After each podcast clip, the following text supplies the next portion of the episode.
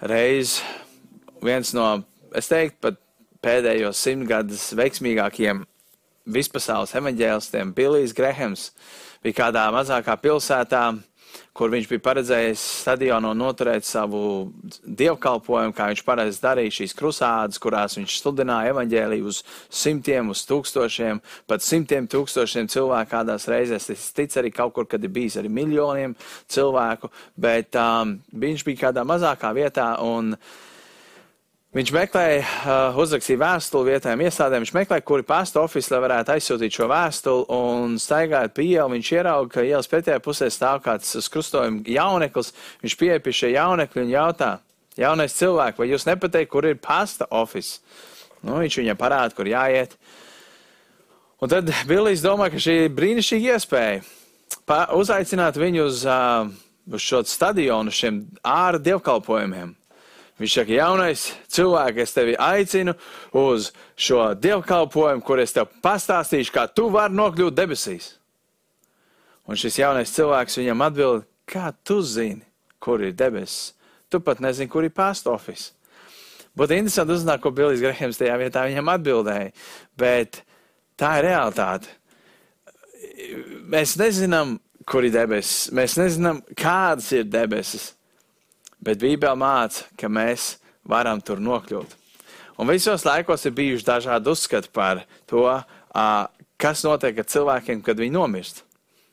Viņi nonāk ēlē, viņi nonāk debesīs, Viņi nonāk purgatorijā, kas būtu šķīstītava, vai viņi nonāk vienkārši kaut kādā nākšā dzīvē, nākošajā vilciena vagonā, vai viņš notiek reinkarnācija, proti atzimšana, varbūt nākšā dzīvē viņš būs puķīt, varbūt viņš būs tauranīts, varbūt viņš būs pelīt, ko kaķis paņem, noķer napēt, ne? Mēs nezinām. Man ne, cilvēki domā visu kaut kādas domas, un citi domā, protams, ka nekas nebūs.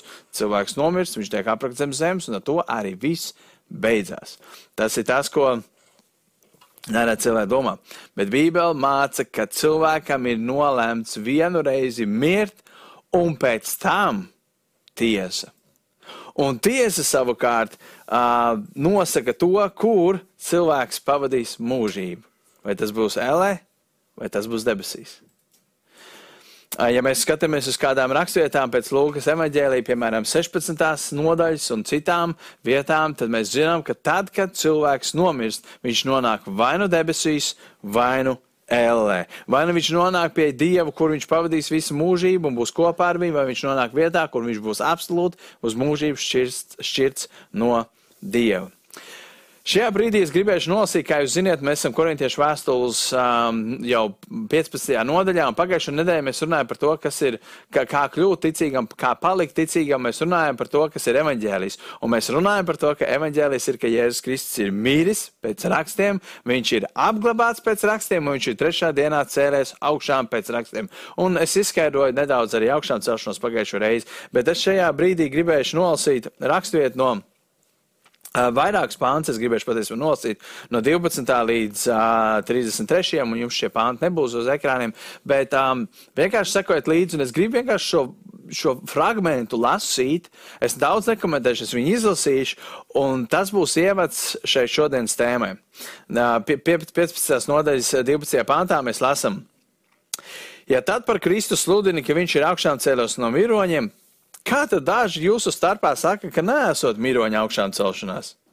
Jo, ja nav miroņa augšām celšanās, tad arī Kristus nav augšām cēlies. Un ja Kristus nav augšām cēlies, tad veltīgi ir mūsu sludināšana, tad veltīgi tas, ka es jums šodien sludinu evaņģēlī, un veltīgi ir jūsu ticība. Tad jau, ja nav augšām celšanās, tad priekš kam ticēt uz Dievu, tu nomirst un nekā pēc tam vairs nav. Tad jau mēs būtu Dieva viltus liecinieki, jo mēs esam liecinājuši pret Dievu, ka Viņš Kristu ir uzmodinājis, bet Viņš to nebūtu uzmodinājis, jo ja jau nav miroņa augšām celšanās. Jo, jo mirušie netop uzmodināti, tad, kā, tad arī Kristus nav uzmodināts. Un ja Kristus nav uzmodināts, tad veltīgi ir jūsu ticība, tad jūs joprojām esat savos grēkos tad arī tie ir pazuduši, kas Kristu ir aizmiguši. Tas ir izteiciens, lai runā par tiem, kas nomira, kā kristieši, kas nomira, cerēdam, ticēdam, ka Dievs viņus uzcels no viroņiem. Viņš saka, tad jau arī viņi vēl ir nomiruši, tad jau arī viņi netiks augšām celt, tad jau viņi joprojām, teiksim, ir kapos aprakt un neko viņi neredz, nezina, nenojauš. Ja mēs tikai šī dzīvē vien ceram uz Kristu, tad esam visnožēlojamākie cilvēki. Citiem vārdiem sakot, ja tu domā, ka šī dzīve dzīvo kā kristietim ir viss, kas tas ir, un dzīve pēc tam nav, tad tu esi visnožēlojamākais cilvēks, ja tu netici, ka būs dzīve pēc nāves. Bet Nu, Kristus ir uzmodināts no miroņiem. Viņš kā pirmais no mirušiem. Jo kā caur cilvēku nāvi, tā arī caur cilvēku miroņa augšām celšanos. Jo kā Ādamā visi mirst, tāpat arī Kristu visi tiks dzīvi darīti. Bet ik viens savā kārtā. Vispirms Kristus, un pēc, tie, pēc tam tie, kas Kristum pieder viņa atnākšanas dienā.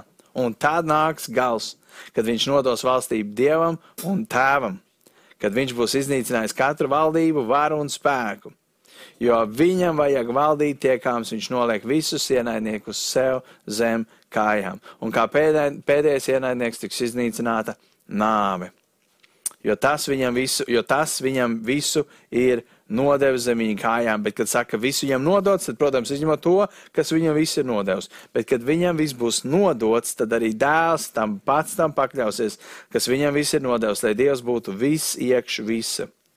Ko tad darīs tie, kas liekas kristīties par mirušiem? Bija cilvēki, kas kristījās ar domu, ka es kristīšos, un, un, un, un, un, un, un tas, kurš ir nomiris, viņam tas nāks par labu.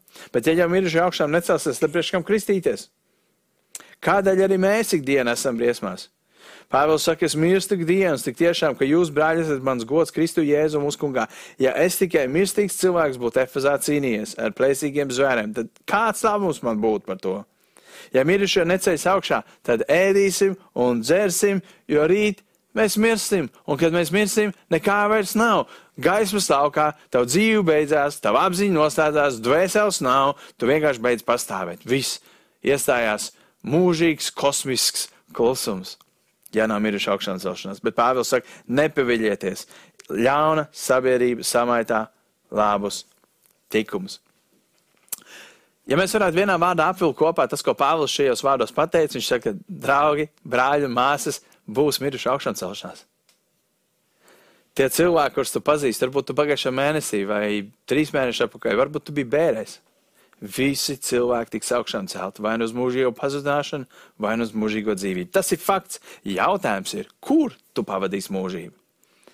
Ja tu neesi piedzimis no augšas, ja tu neesi nožēlojis savus grēkus, un tu neesi pieņēmis jēzu savā sirdī, tad tu mūžīgi pavadīsi šķirtu no Dieva, ēlas ugunīs. Kur pretī, ja tu esi piedzimis no augšas, tu esi pieņēmis jēzu par savu kungu glābēju, esi izsūdzējis savus grēkus un aicinājis jēzu savā sirdī, tad tu būsi debesīs. Un tas man aizved pie jautājuma par šodienas tēmu, kādas tad būs debesis? Ko mēs darīsim debesīs? Ja būsim godīgi, mēs īstenībā esam tik ļoti aizņemti ar šo, šo zemes dzīvi, kad kurš no jums ikdienā domā par to, kādies būs debesīs? Wow, tur būs tā un tā, jā, tas ir tik labi, un tu pasties šodienas problēmu, domā, ai, nekas, taču būs debesis. Nē, tā nav. Cilvēki ir tā ļoti satraukšies ar to, kas notiek šeit uz zemes, ka bez maz vai tā it kā nebūs dzīve debesīs. Es gribu um, šo tēmu par to, kāda būs debesis, pastāstīt ar kādu ilustrāciju, atkal, ja tā var teikt, jeb stāstu. Man YouTube viens no mīļākajiem video, man mīļākā vispār kristiešu grupa ir tāda korāļu dziesmas, un tas ir Gaiter, un tāda grupa, kur, kur, kur viena dziesma saucās What, what Day That Will Be. Kas tā būs par dienu?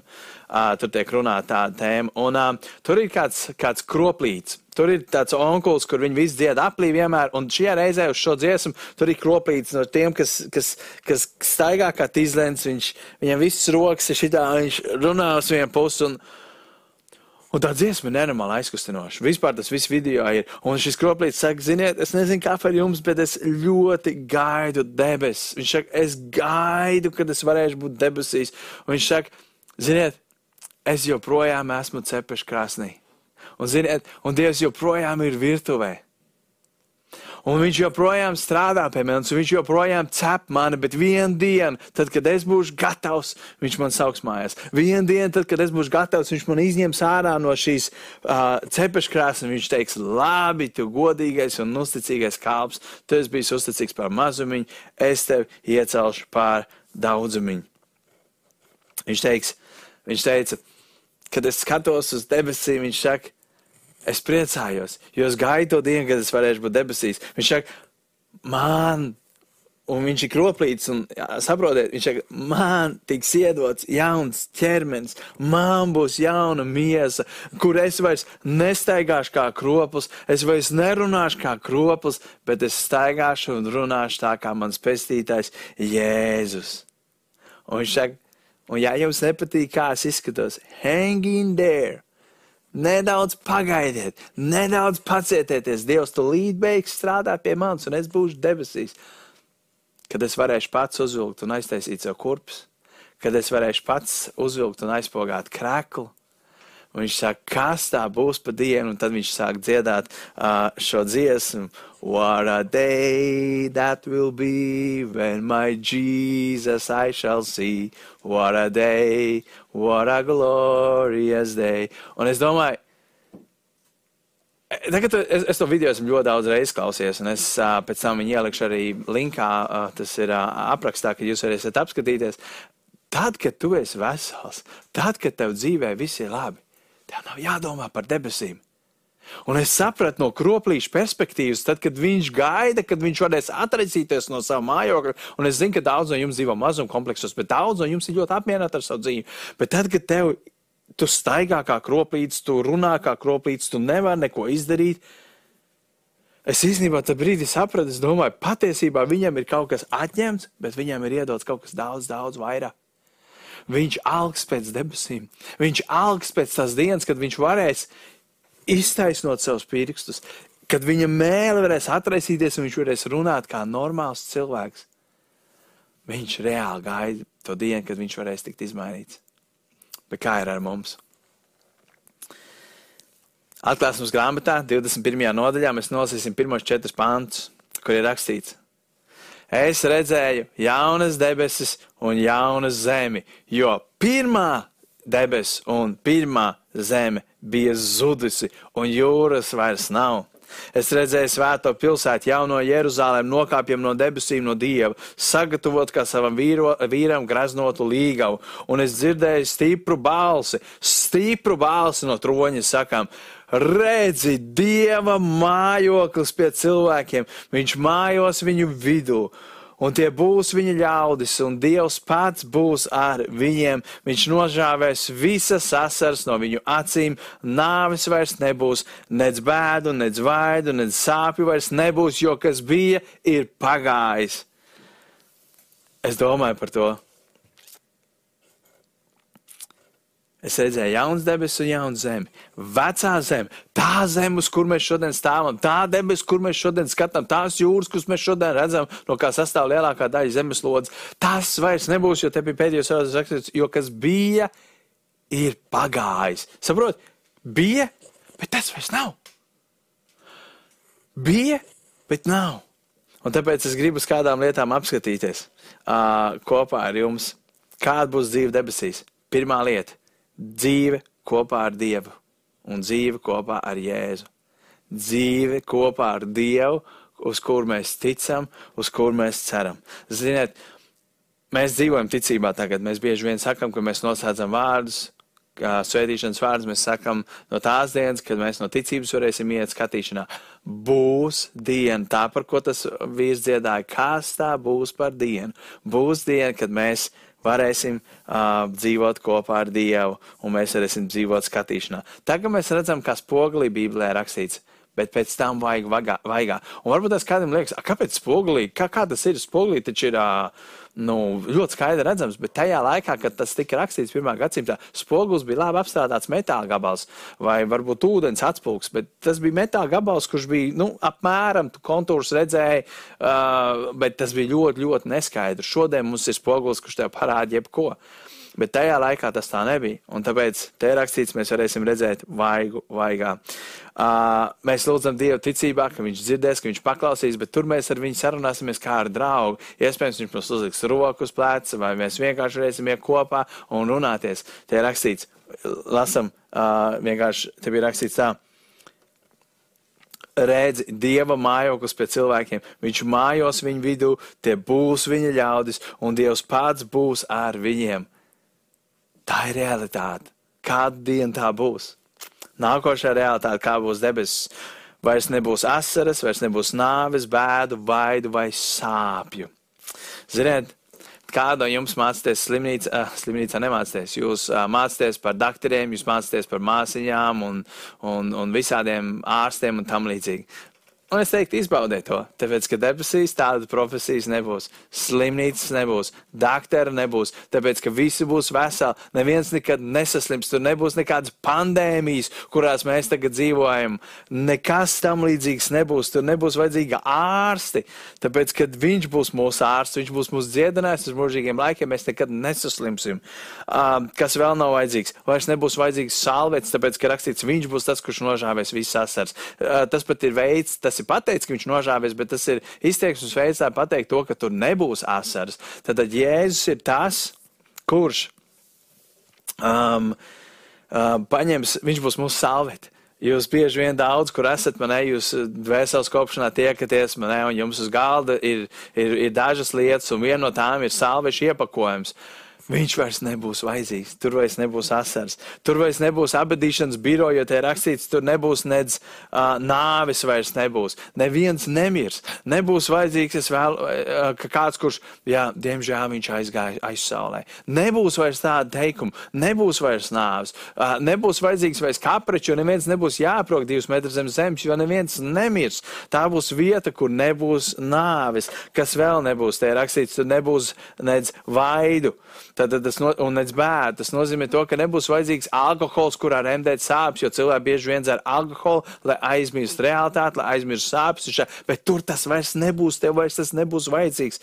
Tur vairs nebūs nec sāpju, nec vaidu. Un, un ziniet, nebūs vairs sāpju. Daudz no jums dzīvo uz uh, pretsāpju visādiem uh, līdzekļiem, pretsāpju zāles jūs dzerat un tam līdzīgi. Daudz cilvēku nevar aiziet gulēt vai nevar izdot pa dienu, nedzerot šīs zāles. Bet es gribu, lai jūs saprotat to, ka debesīs nebūs sāpes.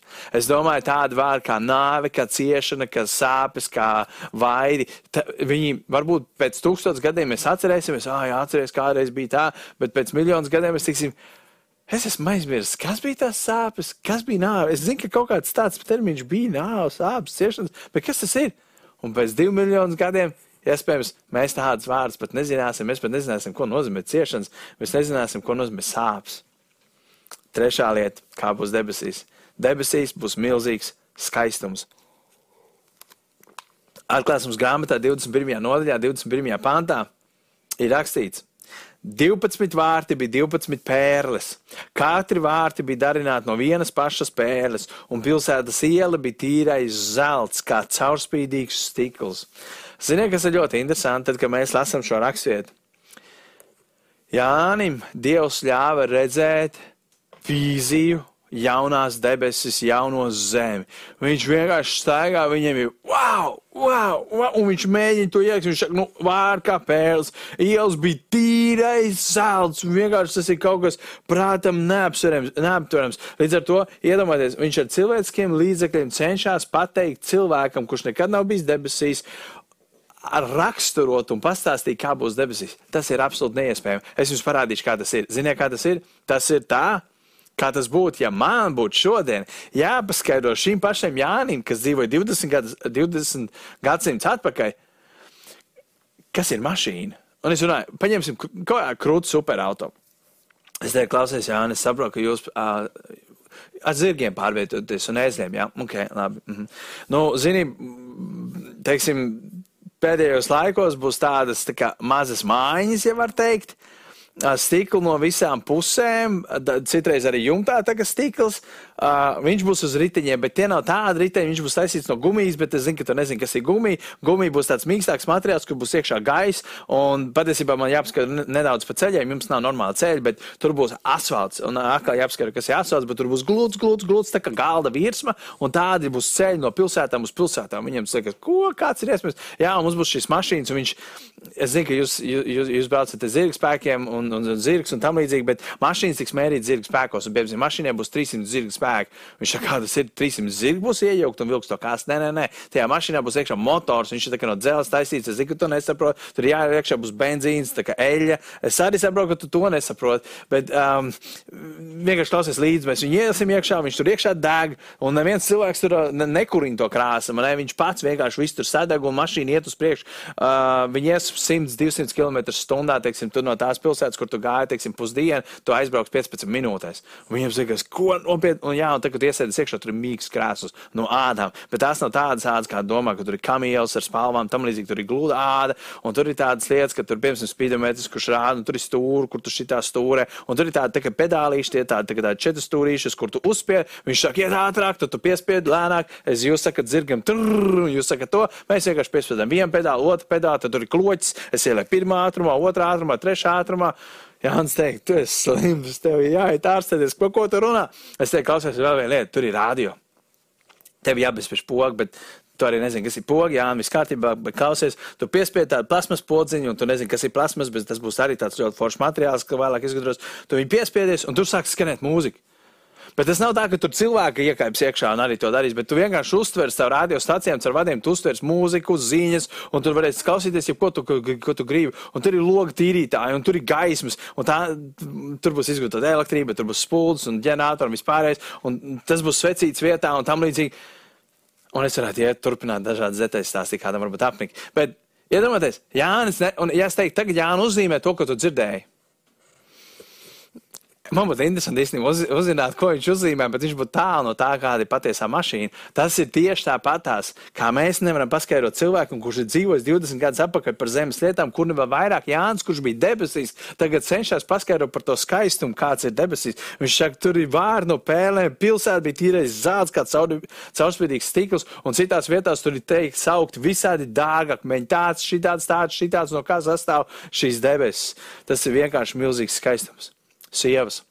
Jūs gribat staigāt zelta auskaros, zelta rokas sprādzēs, krellēs un, un, un, un vēl vis kaut kādās lietās, bet, ziniet, tur ielas būs no zelta. Un jūs taču negribētu, ka jums matos karājās kaut kas, kas ir no ielas paņemts, bet tur ielas būs no zelta. Arābu šeiki, viņi braukā ar mašīnām, viņiem mašīnas ir nevis apzeltītā krāsā, bet burtiski no zelta, zelta krāsā izlietas ārā no zelta, reāli materiāli zelta, bet tur mēs braigā, braukāsim un staigāsim pa zelta ielām. Tas ir tas, ko es gribu pateikt. Un pilsētas ne tikai durtiņas kaut kādas, bet veseli vārti ir no vienas lielas pērles.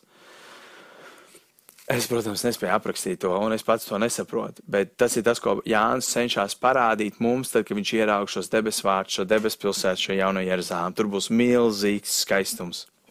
Nākošais kas iet kopā nedaudz ar pirmo punktu, ir tur redzēs Dievu. Atklāsmes grāmata 22.4 rakstīts, tie skatīs viņa vaigu, un viņa vārds būs tiem uz pierēm tie skatīs viņa vaigu. Es nezinu, vai tu esi kādreiz domājis par to, kāds izskatās Dievs. Es esmu domājis, ik pa laikam, kāds viņš diez ir. Un redziet, ir kaut kādas lietas, ko mēs zinām. Mēs zinām, ka viņam ir kājas, mēs zinām, ka viņam ir rokas, mēs zinām, ka viņam ir rumpis, mēs zinām, ka viņam ir galva, viņam ir acis, deguns, ir nāsis, mute, ausis, pirksti, elkonis, uh, sirds. Man, mēs redzam, ka viņš ir radīts, pēc, mēs esam radīti pēc Dieva tēla un līdzības direkcijas. Mēs redzēsim viņa vaigu. Ziniet, uh, Mūzis skatīja Dievu, bet Dievs teica, tu nevari redzēt manu seju, ja tu redzēsi manu seju, tu mirsi. Tāpēc Mūzis gāja garām, tas ir Dievs gāja garām Mūzim, viņš pielika sev roku priekšā, pagāja garām viņam, un tad paņēma nos, ka Mūzis varēja redzēt viņa tā kā rumpi, skatu un vispārējo, bet ne seju. Un, bet būs diena, te ir rakstīts, tu ska, tie skatīs viņa vaigu mēs skatīsim dievai. Mēs tāpat kā jūs varat redzēt, tagad man seja, tāpat tās mēs skatīsim dieva vaigu. Un mēs vienkārši, wow, es nezinu, vai tas būs, nu, tas būs kaut kas skaists, bet es nespēju pat iztēloties, kas man tur jāsagaida. Skaistākais deguns vai acis pasaulē, mēs to neizprotam. Dievs ir vienkārši neizprotams, bet ir rakstīts, mēs skatīsim viņu vaigu. Nākošais, tur vairs nebūs tumsas. Atklāsmes grāmata 22.5 rakstīts, tur nebūs vairs nakts ne sveces, ne saules gaisma tie nebūs vajadzīgi, jo kungs Dievs izlies gaismu pār viņiem, un viņi valdīs mūžīgi mūžam. Tad ne svece, ne nakts, ne saules gaisma nebūs vajadzīgi. Iesais grāmatas 60. nodaļa 19. 20. pāns. Saule tev vairs nebūs par gaismu dienā, un mēnesis par spīdekli naktī. Tas kungs būs tava mūžīgā gaisma, un tavs dievs, tavs brīnišķīgais greznums. Tava saule vairs nenoies, un tavs mēnesis nezaudēs savu spožumu, jo tas kungs būs tava mūžīgā gaisma, un tavām skumju dienām būs gals. Daudz cilvēku šodien baidās no tumsas. Tas ir viens no top, iemesl, to, top bailēm, kas cilvēkiem ir - tumsa. Daudzi grēki un noziegumi tiek darīti naktī. Grēks tiek darīts naktī, kad neviens to neredz. Sātans tiek saukts par tumsas valnieku. Un tas, ka nebūs tumsa, bet būs tikai gaisma, parāda to, ka nebūs sātans, bet būs tikai Jēzus Kristus, tāpēc, ka sātans būs izstumts, jau iestumts tumsas valstībā, ēlas ugunīs, kur viņš cietīs mūks mūžīgi mūžam, un debesīs būs tikai gaisma, tikai Jēzus, tur vairs nebūs nekad, nekādas tumsas. Jums patīk saulriets, jums patīk saulēkts, jums patīk skaistie vasaras vakari, jums patīk skaistie rīti, kad saule aust un viss mostās, tādas lietas vairs nebūs. Būs skaista, spoža diena, kas spīdēs kā visspožākā saule. Tas ir tas, kas mūs sagaida. Daudziem šie tumšie ziemas un augstie vakari uzdzen depresiju. Tad lūk, nekad dzīvē vairs nebūs augstie tumšie uh, vakari, bet būs skaista, saulaina, un Dievs būs tā saule, kas spīdēs uh, un izgaismos visu. Tas ir prātam neaptveram. Prātam neaptveram. Jēzus ir gaismas valnieks. Un, un, un pēdējā lieta saistībā par to, kāds būs debesis, tur nekas netrūks. Tur nekas netrūks. Atklāsmes grāmatas 7. nodaļa, 16. un 17. pāns ir rakstīts, tiem vairs nebūs bāda, tiem vairs neslāps, ne saule, nekāds cits karstums tos nespiedīs, jo jērs Jēzus Kristus, kas pašā vidū goda krēsla priekšā, tos ganīs un tos vedīs pie dzīvības ūdens avotiem, un Dievs nožāvēs visas viņu asaras no viņu acīm. Es domāju, nebūs bats nebūs slāpes, nekāds cits karstums mums nekaitēs. Tur būs labi. Un pamatojums tam ir, tāpēc, ka Jēzus būs tas, kas mūs ganīs.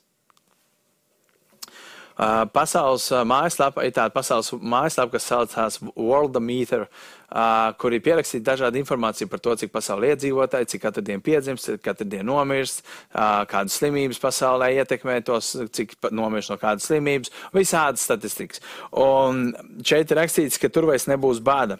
Pasaulē ir bāds, katrs astotais cilvēks pasaulē cieš bādu, ko pretī katrs ceturtais ir pārēdies, un viņiem liekais svars, iespējams, tev liekais svars. Un, un tas ir īstenībā, man likās interesanti, katram astotam cilvēkam ir uh, trūkstēdienas, bet katrs katram astotam, un katrs ceturtais ir atkal pārēdies. Un ja divi, kas ir pārēduši savu pārpalikumu, ja tā var teikt, atdod tam vienam, kuram pietrūks, pasaulē nebūtu bats. Dievs ir visu sadarījis tā, ka mums visam pietikt, bet mēs esam negodīgi sadalījuši tā, ka kāds mirst badā un kāds ir pārēdies. Bet šeit rakstīts, tiem vairs nebūs bada. Uh, pēc šīs statistikas katru, die, uh, katru dienu, dienas laikā aptuveni nomirst 20 tūkstoši cilvēku no bada. 20 tūkstoši cilvēku dienā. Būtībā trīs dienu laikā nomirst vesela liepāja no ēdienu trūkuma. Katram astotam cilvēkam nav tīrs, ja vispār nav pieejams dzeramais ūdens.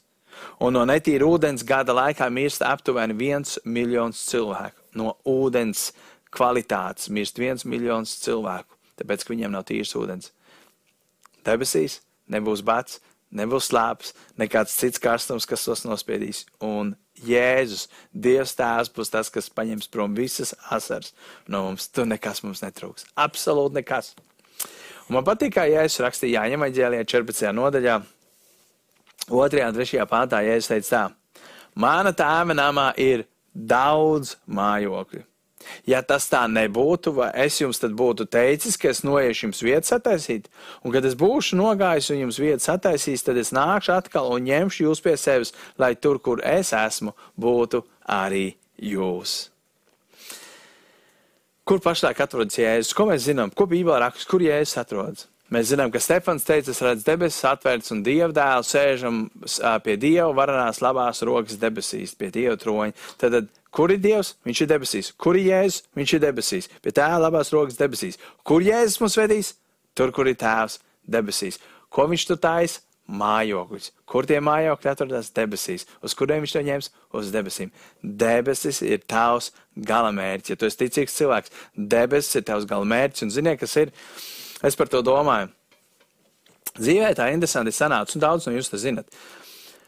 Uh, Katrs, katra jauna ģimene gribētu dzīvot mājā palielam, ka varētu būt māja ar savu sētu, kur tu varētu bērns izlaist. Un bieži vien, kad tu esi jauna ģimene, jūs esat sākuši savus darbus, jums nav lielākas algas, un tad, kad tu uzcēli savu pirmo māju, tad pārsvarā tas ir tad, kad bērni jau ir izauguši, un tad tie divi pusmūži cilvēki domā, priekš kā mēs to visu cēlām. Un daudz cilvēku tā nekad arī neuzceļ savu māju, bet zini, kas ir laba apziņa, pat ja tu nevari uz šīs zemes atļauties uzcelt savu māju, kurā dzīvot. Mana tēva namā ir daudz mājokļu. Vai tad es jums neteicu, ka es eju tev vietu sataisīt? Vai tad es tev neteicu, ka es eju, man ir celtniecības darba priekšā? Un es eju celt tev māju, cik labi apziņa, kad Jēzus Kristus priekš tevis ceļ villu māju. Es nezinu, tā būs tāda māja kā šeit, ar stāviem, ar logiem, ar durvīm, ar divām, kur atpūsties. Es nezinu, man nav ne mazākais jausmas, bet fakts ir tāds, ka tev debesīs tiek gatavots mājoklis, lai šie vārti tev stiprina. Šeit uz zemes cilvēki dzīvo īrētos mājokļos, un tiem, kuriem ir savu mājokli, tos nereti var apzakt, tie var sadegt, nodegt, tos var izlaupīt, Un vēl kāda lieta ir, un, kas man patīk, kad uh, kara laikā viņus nacionalizēja. Jeb, citiem vārdiem sakot, vienkārši pienāca un atņēma valsts vajadzību dēļ, un tās mājoklis tika paņemts projām. Un pat, ja nekas slikts nenotiek, tad pat pēc 100 vai 500 gadiem tas mājoklis sabruks. Vienalga, pat ja viņš taisīts no labākiem ķieģiem, viņš paliks vecs, viņš nodrups. Laika gaitā viņa paliks veca būde, kas būs jānojauc un jāceļ vietā jauna. Ko es to gribu teikt? Bet Jēzus Kristus tev ceļ mājokli debesīs, kurš nenovecos, Tev nekad nepanē, ne, neatnāks un nepateiks, mēs nacionalizējam tavu mājokli. Un nekad neatnāks zaglis, kurš apzag tavu mājokli, tāpēc, ka debesīs viss būs perfekti. Tev debesīs tiek celts mājoklis, ja tu esi Dieva ticīgais. Zelta ielas, tur nebūs tumsas, tur nebūs bāda, tur nebūs sāpes, tur nebūs ciešanas, nebūs nāves un tev pašam savs mājoklis. Neizklausās pēc kaut kā wow. Un nākošais, ko mēs darīsim debesīs? Mēs apskatījāmies uz to, kādas būs debesis, bet ko mēs darīsim debesīs. Un pirmā lieta ir, mēs slavēsim un dziedāsim. Un, ziniet, dažreiz varbūt tas mums pat liekas, tas būs tik garlaicīgi, kā tas ir. Tu vienkārši tur korī dziedās 2, 4, 7. Man, es atceros, ka mēs skolā gājām, kādreiz tur bija obligāti jāiet dziedāt korī. Vismaz tiem, kuriem bija balss, tiem, kuriem nebija, tiem būs balss kādu dienu. Vai jāiet dziedāt korī, tad tu vienkārši tur soprāna balss un alta balss un bāzes balss un tenoru un izdzied un viss tā dziedāšana. Viņi ir diezgan garlaicīgi. Un, tad, protams, forši tev ir tas koncerts, man ne, un tu tur dzied un tam līdzīgi. Bet tur Mēs būsim laimīgi to darīt. Mēs visi, tur viss būs perfektā harmonijā, visiem būs perfekts, skaists balsis. Un lasām atklāsmes grāmatu 5. no 13. pāns. Tad es dzirdēju visu radību debesīs, virs zemes, apakšzemes, jūrā un viss, kas tur ir sakām. Tam, kas sēž goda krēslā, un tam jāram, tas ir Jēzum, lai ir pateicība, gods un slāva un vāra mūžu mūžos. Iedomājieties, vislabāko slavēšanas koncertu, kādā tu esi bijis. Vai iedomājies pat kaut kādu pasaulīgu koncertu, kur tu esi bijis, un tu liekas, wow, tas bija pats pats labākais. Tur visi izvilkām telefons un tur kustinājām tas gaismiņš, vienalga, kas jums ir. Tas bija pats labākais. Tas pat klāt nestāv tam, kā būs debesīs, ka mēs kopā slavēsim Dievu. Miljoni, miljonus, jau kā bija rakstīts, miljādu, miljādas stāvēs un vienā balsī, perfektā harmonijā un tonī dziedās vienu dziesmu, vienu, uh, vienu perfektu slavas dziesmu. Mēs dziedāsim, es nezinu, tas man liekas būs kaut kas vienkārši vārdam neapturam prātam neaptveram. Otrā lieta, ko mēs darīsim debesīs, mēs baudīsim Dievu paradīzi. Lūk, evanģēlijā Jēzus teica tam noziedzniekam, kas bija tikko atgriezies pie krusta, viņš teica, un Jēzus tam sacīja patiesi, es tev saku, šodien tu būsi ar mani paradīzē. Un grieķu vārds paradīze nozīmē dārs, ja pareizāk būtu sakot, Dieva dārs. Iedomājieties, viskaistāko vietu, kurā tas bijis. Varbūt tie jau Horvātijas pārka, varbūt tas, tas ir Amerikas Grand Canyons, varbūt tā ir Austrālija, varbūt tā ir Islanda, varbūt tas, tas ir Āfrika, varbūt tā ir Āzija vai Eiropa. Vienalga, Portugāla, Spānija, vienalga, viskaistāko vietu, kurā tas bijis. Varbūt tas tu neesi bijis, bet es redzēju milzīgi skaistus video klipus. National Geographic kanālā skatoties, kā ir kādas vietas pasaulē, ir vienkārši, es tev pateikšu godīgi, dažreiz skatoties, es bieži vien gatavoju svētdienas fonā, klausos kādu mierīgu mūziku, un nereti viņām fonā ir ļoti skaists debesu skats, un es dažreiz skatos, liekas, kā kaut kas tik skaists var tikt radīts. Vienkārši liekas, tā ir vistīrākā paradīze, kā es gribētu tur būt. Bet Dieva paradīze. Iedomājieties, viskaistāko vietu, kurā tas bijis vai ko tas redzējis. Un tas būs vēl daudz skaistāk nekā tas, ko tas redzējis. Tas būs vienkārši prātam neaptverami. Tas būs kaut kas tik skaists. Tas ir tas, ko mēs darīsim. Mēs baudīsim Dieva paradīzi. Nākošais. Mēs baudīsim sadraudzību ar Jēzu un ar citiem ticīgajiem. Māte evaņģēlijā 8. nodaļā, ja es runāju uh, 11. pāntā par, par to, viņš saka uz Izrēliem, viņš saka, arī pagāni tur būs. Viņš saka, bet es jums saku, ka daudz nāks no rīta un vakara puses, tas ir no pagāni tautas nāks, un sēdēs ar Ābrahām, Īsāku un Jākabu debesu valstībā. Sēdēs ar Ābrahām, Īsāku un Jākabu debesu valstībā. Kur no Bībeles? Tēliem, ja cilvēkiem tu vēlētos satikt un parunāties. Vai tas ir ķēniņš Dāvids un paprasīt Dāvidu klausies, cik liels bija tas Goliāts? Kā tev bija iet cauri? Vai tas būtu Daniels paprasīt, kā tu varēji būt tik drosmīgs, ka tev iemet lauvu bedrē? Ko tu domāji tajā brīdī? Vai kā, kā būtu ar tiem trīs draugiem, kas tika iemet, iemest uguns seplī? Kā bija būt uguns liesmās un nesedēji? Varbūt tas būs Mūzes, Mūzes, kā bija vadīt tautu, kā bija blankstīties pa 1040 gadus, man ne? Mūzes, Ābrahām, Ābrahām, kā Īzāk, Jākab, man ne? Visas šīs lietas, ka mēs varēsim paprasīt. Varbūt tā ir kāda sieva, kur tu gribi paprasīt, Naomi, man nevienalga, Ester, kā bija iet pie ķēniņa, ka tu zināji, ka tev nogalē. Visas šīs lietas, iespējams, tas domājis par to, kā būtu, bet varbūt tās tu esi gribējis satikt kādu, piemēram, varbūt piecas paudzes apakaļ vai trīs paudzes apakaļ, uh, varbūt tev kāds pazīstams uh, rāda gabals ir bijis, varbūt slavens kristietis vai dedzīgs kristietis, varbūt mācītājs, varbūt tas, tas ir kāds, um, nezinu, pēdējo gadsimtu kristietis, piemēram, Spērģens vai Fetlers vai uh, Luters, kur tu vēlēsi satikt un pajautāt, kā bija, kā bija dzīve, kā es gribu dzirdēt tavu stāstu.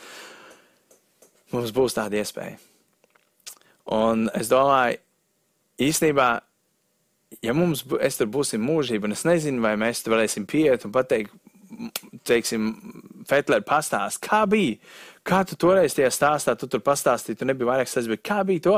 Es nezinu, mēs atcerēsimies, neatcerēsim, bet šeit ir rakstīts tā, ka mēs sēdēsim ar Ābraham, Īzāku un Jākam. Mēs zināsim, ka man blakus sēž Ābrahams, Ābraham, prieks iepazīties tev. Es tik daudz par tevi lasīju.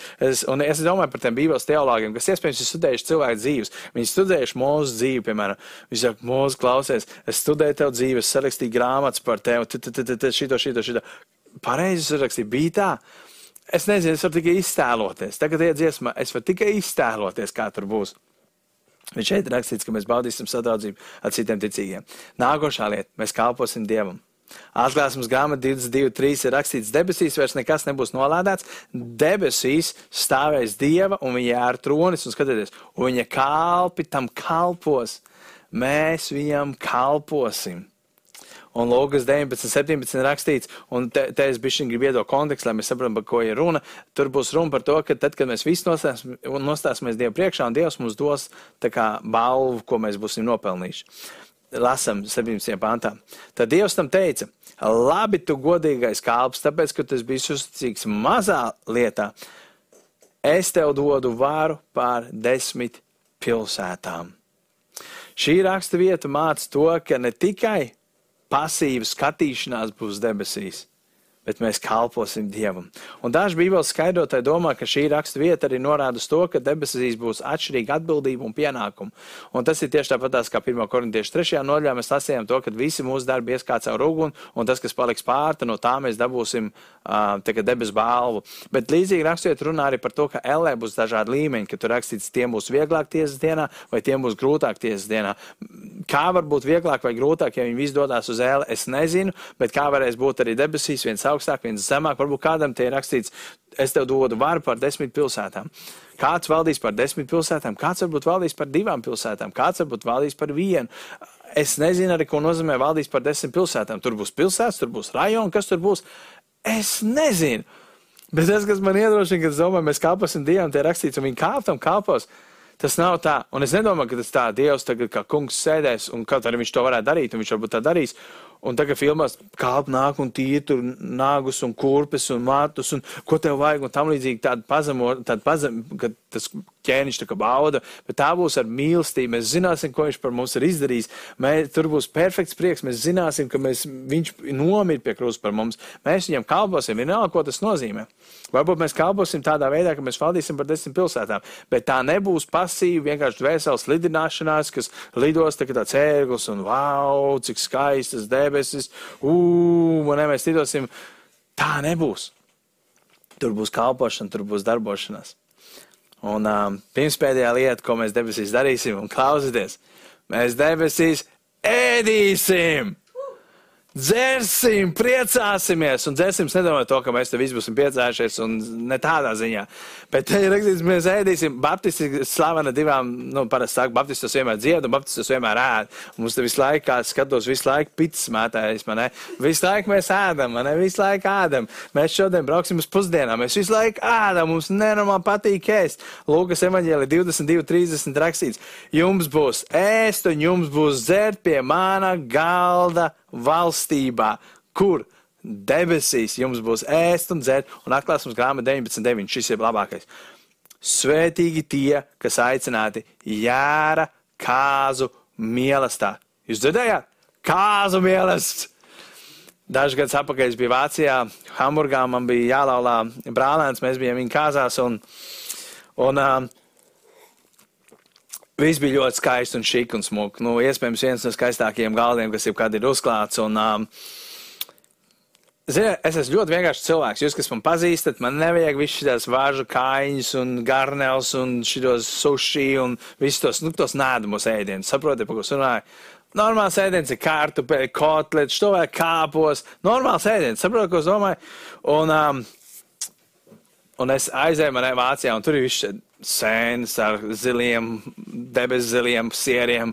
Normāls cilvēks tāds nē, un tur ir šefvārs aiz stīkla, kurš tur uguni mētā pa gaisu un cep ēdienu, un visi cilvēki stāv rindās. Tur bija jāiet rindā pēc dzīvā ēdiena, un kaut kādi visdārgākie makroni pasaulē, visdārgāko sieru pasaulē, ar visdārgākiem sēnēm pasaulē.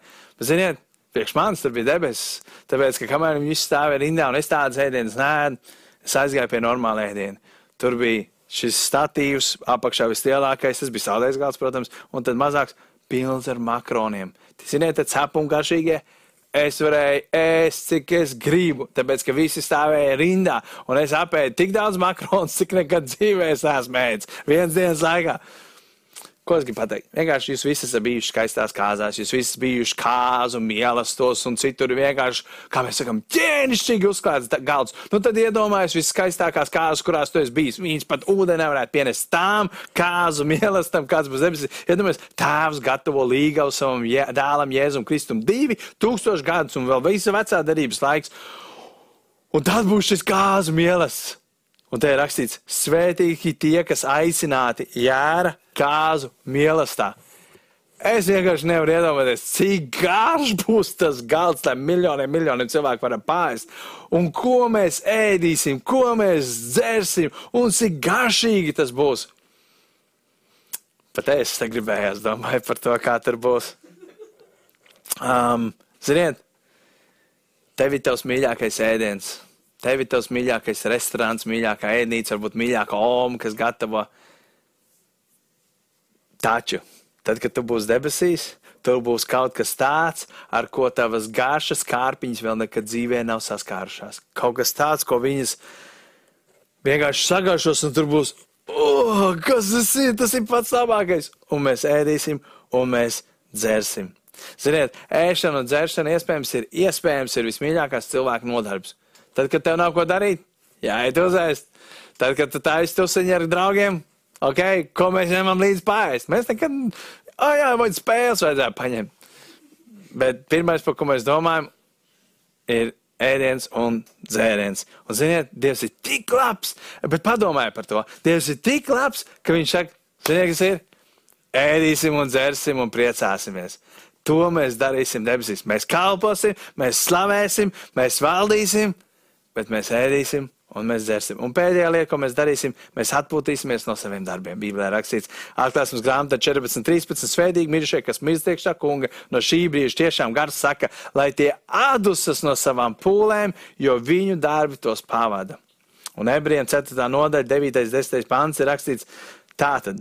Vēl atliek svēta dusa dieva tautai, jo kas iegājis viņa atdusā, tas arī pats dusējas no saviem darbiem, kā dievs no saviem. Konteksts šeit var būt saistīts ar to, ka mēs tiekam glābti, mums ir jādusas no tiem darbiem, kuriem mēs cenšamies nopelnīt pestīšanu, vecā derība. Bet uh, atklāts grāmatā ir rakstīts, viņš atdusas no savām pūlēm.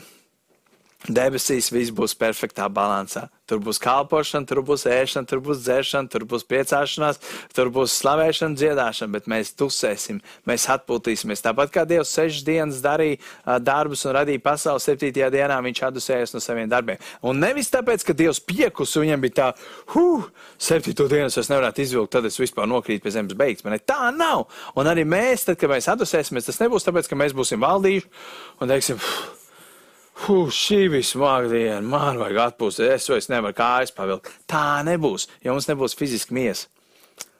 Draugi, un tagad es gribu noslēgumu pateikt, Filipiešu vēstule 3. nodaļa 20. pāns. Ziniet, kas ir rakstīts? Mūsu piederība ir kur? Debesīs, no kurienes mēs gaidām savu pestītāju kungu Jēzu Kristu. Mana piederība ir debesīs. Ziniet, mēs šeit uz zemes esam tikai svēceļnieki, kas dodas uz mūžības mājokļiem. Mēs ejam tikai cauri, mēs staigājam cauri, mēs šeit vēl neesam. Šī nav mūsu māja, mēs esam piedzīvotāji un svešinieki. Es tikai eju cauri zemes dzīvei, un šī nav mana piedarība, šī zemes dzīve. Ziniet, jā, es esmu liepājnieks, es lepojos par to, man liekas, ka Liepāja ir labākā pilsēta pasaulē. Es esmu latviets, bet ziniet, Ja kā, sāktos karš, man tev jāiet aizstāvēt savu tautu. Es taču neesmu ideāls, iet cīnīties par kaut kādu tautu, tāpēc, ka kaut kāda ministra, premjera tur nevar sadalīt un parastos cilvēkus sūta. Es neiešu cīnīties par Latvijas tautu. Par ko es iešu cīnīties? Es iešu cīnīties par debesu valstību. Es esmu debesu pilsonis. Pirmkārt, es esmu debesu pilsonis. Man jācīnās par to, lai cilvēki nāk iekšā debesu valstībā. Mēs esam tik ļoti nokoncentrējušies. Es esmu Latvijas, es esmu Liepānieks, mums ir mūsu vēsture. Kam tas interesē? Mēs visi atstāsim šo zemes mājokli. Šeit es esmu Latvijas vietas, šeit es esmu liepārīgs, bet mana primārā piedarība ir debesīs, no kurienes mēs gaidām savu pestītāju. Un ziniet ko? Jā, es esmu liepārīgs, bet vienā dienā mēs sauksim Jeruzālēmē. Tāpēc, ka te ir rakstīts, mēs būsim jaunās Jeruzālēmas iemītnieki. Es nezinu, vai viņiem būs nosaukums Jeruzālēm, vai viņiem būs kaut kas cits, bet tā būs tā jaunā Jeruzālēma, kur mēs dzīvosim. Un noslēgumā es gribu iedot kādu ilustrāciju, lai parādītu to, kas ir pats pats svarīgākais. Zingers, Kārls Zingers, viņš uh, stāstīja par to, kā kādu dienu, kad bija jau sācies karš, viņiem Jālgavā piederēja apģērba veikals, kurus viņam bija uzdāvinājis uh, sievas tēvs viņiem uz uh, kādas, kādas dzimšanas, uz kā, kādas dienām. Un tad, kad sākās kara laiks, nāca un viņš redzēja vienu dienu, kā atnāk viens pogānieks, kuram te bija uzlikts virsū šī emblēma, ne, āmuriņš un sirpīts, Tad ienāk iekšā pretinieks, un viņš ienāca iekšā veikalā. Viņš teica, Urbāna kungs, es esmu nosūtīts šeit, lai konfiscētu jūsu veikalu un nacionalizētu jūsu veikalu un pārliecinātos, lai jūs no šī veikala nevienu lietu neznest ārā. Urbāna kungs pagriezās, aizgāja stūri, paņēma štoku, kas bija viņa štoks, pie kā pieturēties pasauc savu sunīti un izgāja pa veikalu laukā. Viss, ko viņš bija krājis, viss, ko viņš bija veidojis, vienā dienā tika paņemts projām. Nākošajā svētdienā Kāls Zingers teica, vai Urbāna kungs jūs varētu mūs vadīt lūkšanā. Un viņš ļoti, ļoti skaisti lūkšana, viņš lūdz visādi lūkšana, viņš tēvs, tu man esi devis, tu esi ņēmis, svētīts, lai top tavs vārds, un tu esi godāts, un tu man esi svētījis, un man nekā netrūks, es pēdus un vispārējais. Kaut gan viņš tikko ir pazaudējis viss, kas viņam ir. Un tad skājā balsī pacēlis balss, viņš teica, Dievs, bet tevi viņi man neatņēma. Zālē sēdēja divi spiegi, pat tie izņem lakatiņas, lai noslaucītu asaras. Viņi tev var atņemt visu. Bet neviens tev nevar atņemt to, kur tu piederi debesis. Neviens tev nevar atņemt to, ka tu esi Jēzus Kristus sekotājs, ka tu esi Dieva bērns. Neviens tev to nevar atņemt. Tāpēc, ja es teicu, nekrājiet man šeit uz zemes, nekrājiet. Tā zeme ies bojā, tā sadils kā tā grāmata sadilst. Bet krājiet ar mani debesīs, kur ne koda, ne rūsa, ne zagļi. Tas ir tas, kur jūs krājat savu mantu. Tāpēc, draugi, ieprieciniet viens otru ar šiem vārdiem, kurus tu šodien esi saņēmis, ar to, ko Dievs uz tevi ir runājis. Ieprieciniet ar to, kad mēs dodamies uz debesu mājām. Un tad, kad tu izelpos šīs zemes laikā, šīs dzīves, šajā dzīvē, savu pēdējo elpas vilcienu, nākošais, kur tie ievilks, būs debesīs. Mēs pārējām, mēs ejam cauri šai zemes dzīvei, lai ieiet iekšā debesīs. Un ja tu vēl nepazīsti Jēzus Kristus par savu kungu un glābēju, tu joprojām dzīvo savos grēkos, un tu neesi, tu nezini, kur tu būsi, kad tu nomirsi. Tajā brīnišķīgā vietā, kur es jums šodien esmu aprakstījis, vai ēlē, neļauj grēkiem tev atturēt no Dieva. Sauc uz Jēzus Kristu, atzīsties savos grēkos, piesauc viņu, un viņš tevi izglābs. Un, um, ja tev ir vajadzīga vairāk informācija, tu gribi satikties, labprāt satiktos, lai palīdzētu tev šīs lietas saprast, lai tu varētu būt šajā vietā, kur Jēzus veido mūsu mājoklis, tas ir debesīs.